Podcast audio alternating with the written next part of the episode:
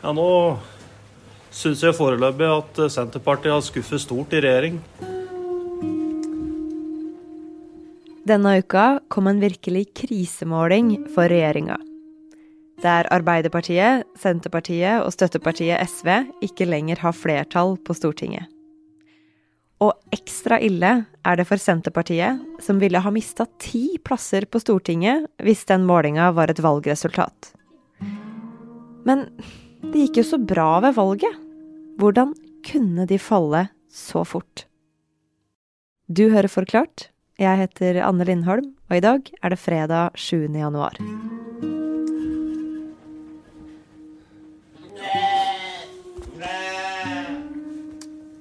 Jeg heter Knut Løvlin, bor eh, Åsbygda på Rena. Tredje generasjon her på gården. Og driver med sau. Har 220 vinterfôra sauer. Og for sauebonden Knut Løvlien på Rena, så var det ikke vanskelig å finne partiet sitt. Nei, jeg ble medlem i Senterpartiet i utgangspunktet for 10-12 år siden. Og det var pga. at jeg følte at Senterpartiet var de som representerte næringa mi best, og hørte mest på oss folk i distrikta. Senterpartiet har greid å fange opp uh, ganske mange ulike proteststrømninger. Kjetil Bragli Alstaheim er politisk redaktør i Aftenposten. Og mye av det har vært samlet under en sånn stor paraply med distriktsopprør. Uh, men det har handlet om uh, helse, det har handlet om nærskoler, det har handlet om samferdsel, utdanning. Så de har greid å samle opp mye De appellerte til veldig mange ulike strømninger og greide også å ta en del av posisjonen som Fremskrittspartiet hadde på uh, misnøye med avgifter og den slags. Så det var, det var noe av det som ga, ga Senterpartiet god fart inn mot valget, og gjorde at de ble på mange måter den tydeligste opposisjonsstemmen mot Erna Solbergs regjering. Så da stortingsvalgkampen begynte i fjor, var valget enkelt for sauebonden Knut, Senterpartiet og Trygve Slagsvold Vedum. Ja, de jeg hadde mest tro på, de jeg kjente meg mest igjen i. Og Hele målet for oss i Senterpartiet er jo at stortingsvalget stortingsvalget 2021 skal bli et eh, vendepunkt etter åtte år med sentralisering av stortingspolitikk som har vært Erna Solberg og Høyre Frp sin medisin i åtte år. I valgkampen så var det jo ikke lite folk kunne forvente av, eh, av Vedum og co. Hva var det de lovte? De lovte veldig mye til veldig mange. Så det var gjenåpning av uh, høyskole på Nesna, og det var uh, mer penger til kommunene, og det var bedre fødetilbud i hver krik og krok av landet. Uh, det, var det, var oppløsning av tvangssammenslåtte fylker og kommuner. De lovte veldig mye til veldig mange. Og så i valget da, så går det jo akkurat som Senterpartiet vil. De får høyere oppslutning i valgene de har gjort på nesten 30 år. Og du blir Norges tredje største parti. Altså på den dagen, åssen ser framtida ut? Nei, Det er jo eh, en stor suksess for uh, Trygve Slagsvold Vedum som partileder. Husk at da han tok over partiet, så lå Senterpartiet nede mot uh, sperregrensen, som er 4 uh, Og så kommer de inn og gjør et, et veldig godt valg, et av partiets beste, og er på rett, rak vei inn i regjeringskontorene. Så det var en eh, jubeldag for Senterpartiet.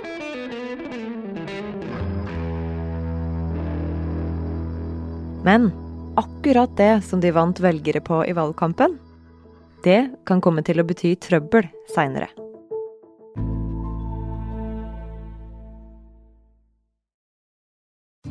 Det ser ut til at det blir flertall for Arbeiderpartiet, Senterpartiet og SV. Vår plan A! Så det blir maktskifte på Stortinget.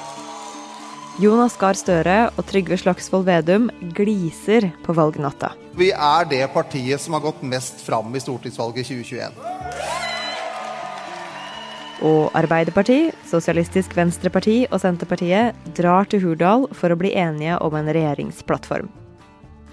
Etter en stund så melder SV seg ut, men 13.10 så legger Støre og Vedum fram Hurdalsplattformen. Jeg er veldig godt fornøyd med det resultatet vi har fått til sammen. Og det er en god styringsplattform for, for Norge de neste, neste åra.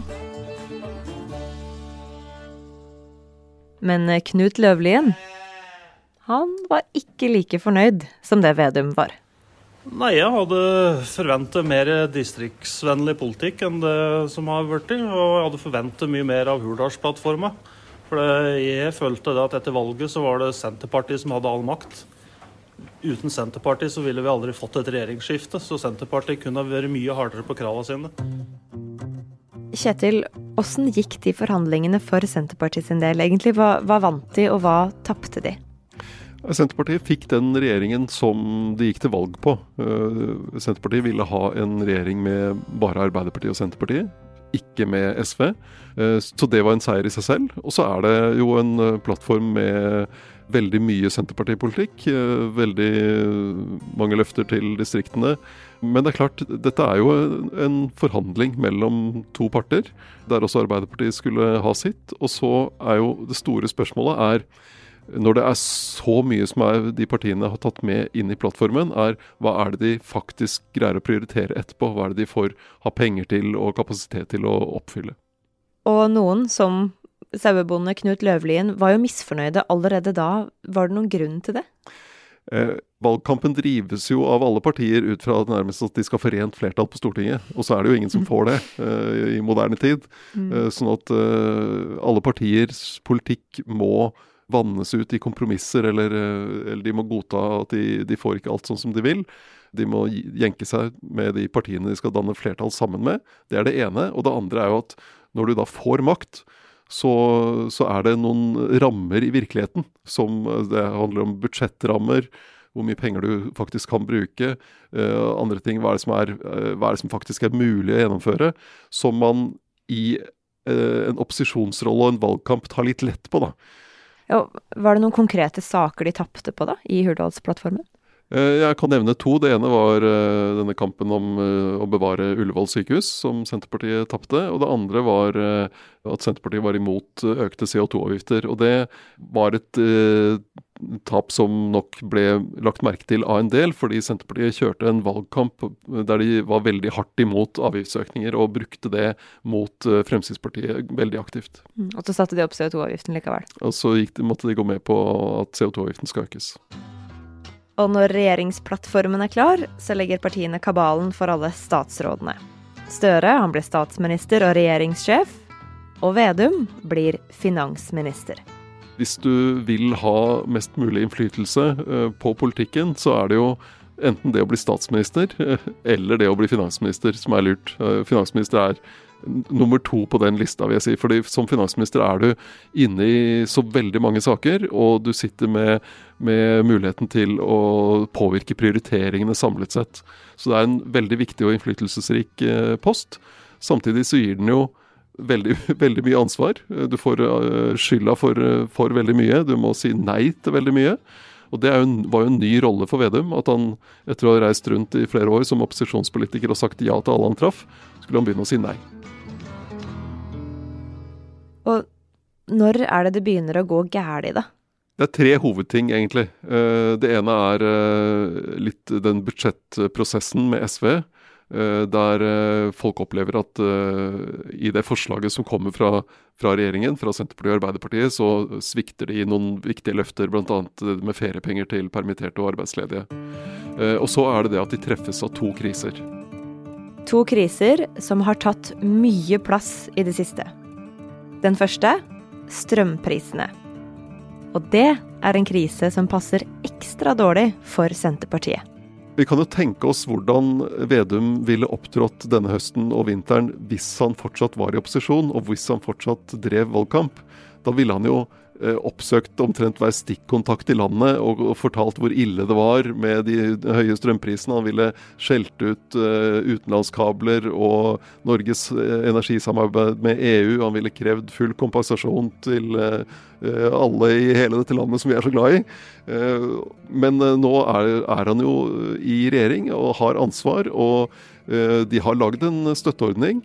Uh, og, men, han, men det, det, blir en helt annen, annen rolle. Uh, han får ansvar for å håndtere en krise, i stedet for å kunne stå utenfor og peke på alt som burde vært gjort, og komme med de enkle løsningene.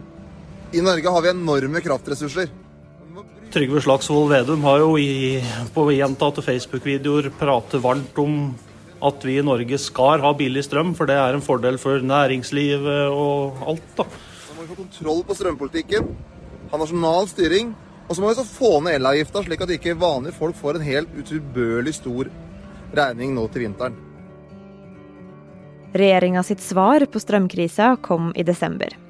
De betaler halvparten av regninga for det som går over 70 øre per kilowattime.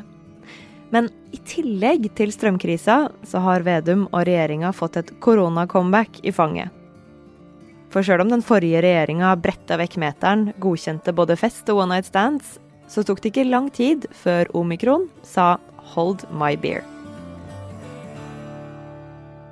Jeg tror en hvilken som helst regjering som satt nå, ville opplevd at det var en sånn trøtthet, da, tiltakstrøtthet i befolkningen.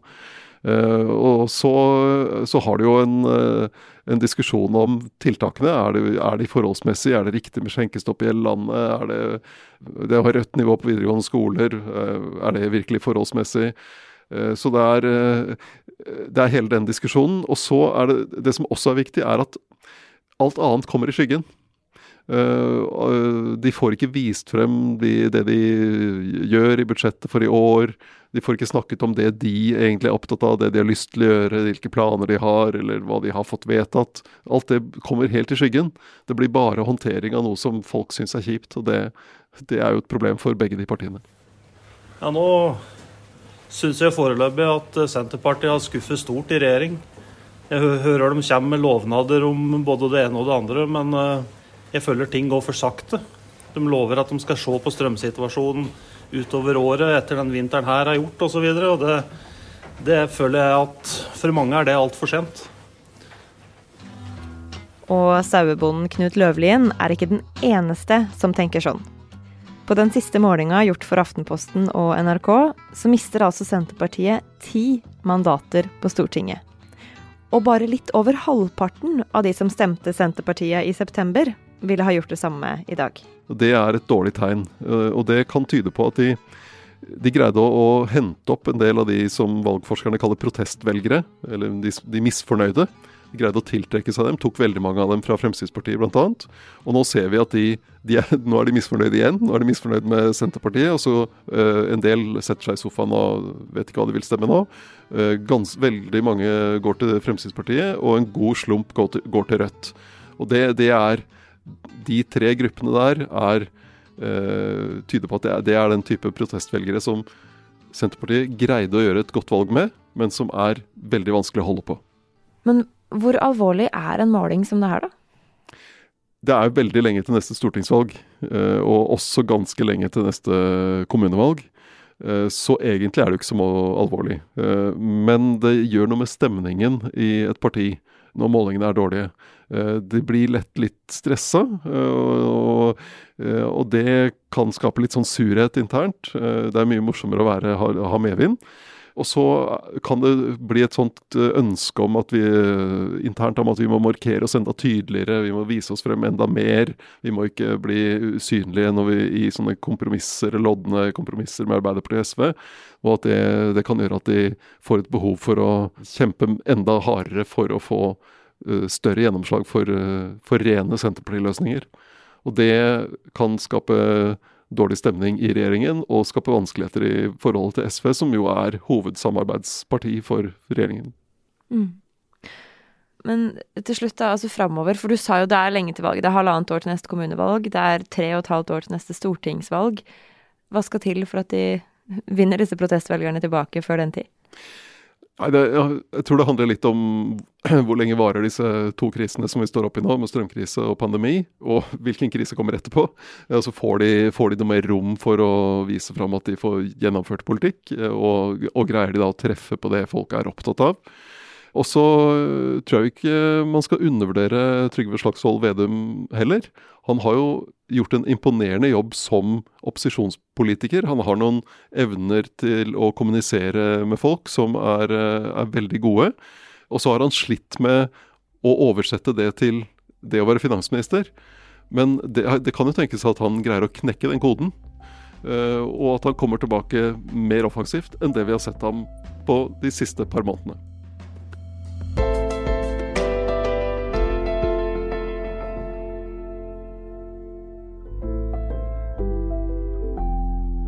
Du hørte Kjetil Bragli Alstaheim forklare hvorfor Senterpartiet gjør det så dårlig nå. Lyden du hørte, var fra VGTV, NTB, Vedum sin Facebook og regjeringen sine nettsider. Takk også til Morten Uglum, som møtte Knut Løvlien. Det er David Vekoni, Fride Næss Nonstad og jeg, Anne Lindholm, som har lagd denne episoden her. Resten av Forklart er Synne Søhol, Marte Spurkland og Anders Weberg.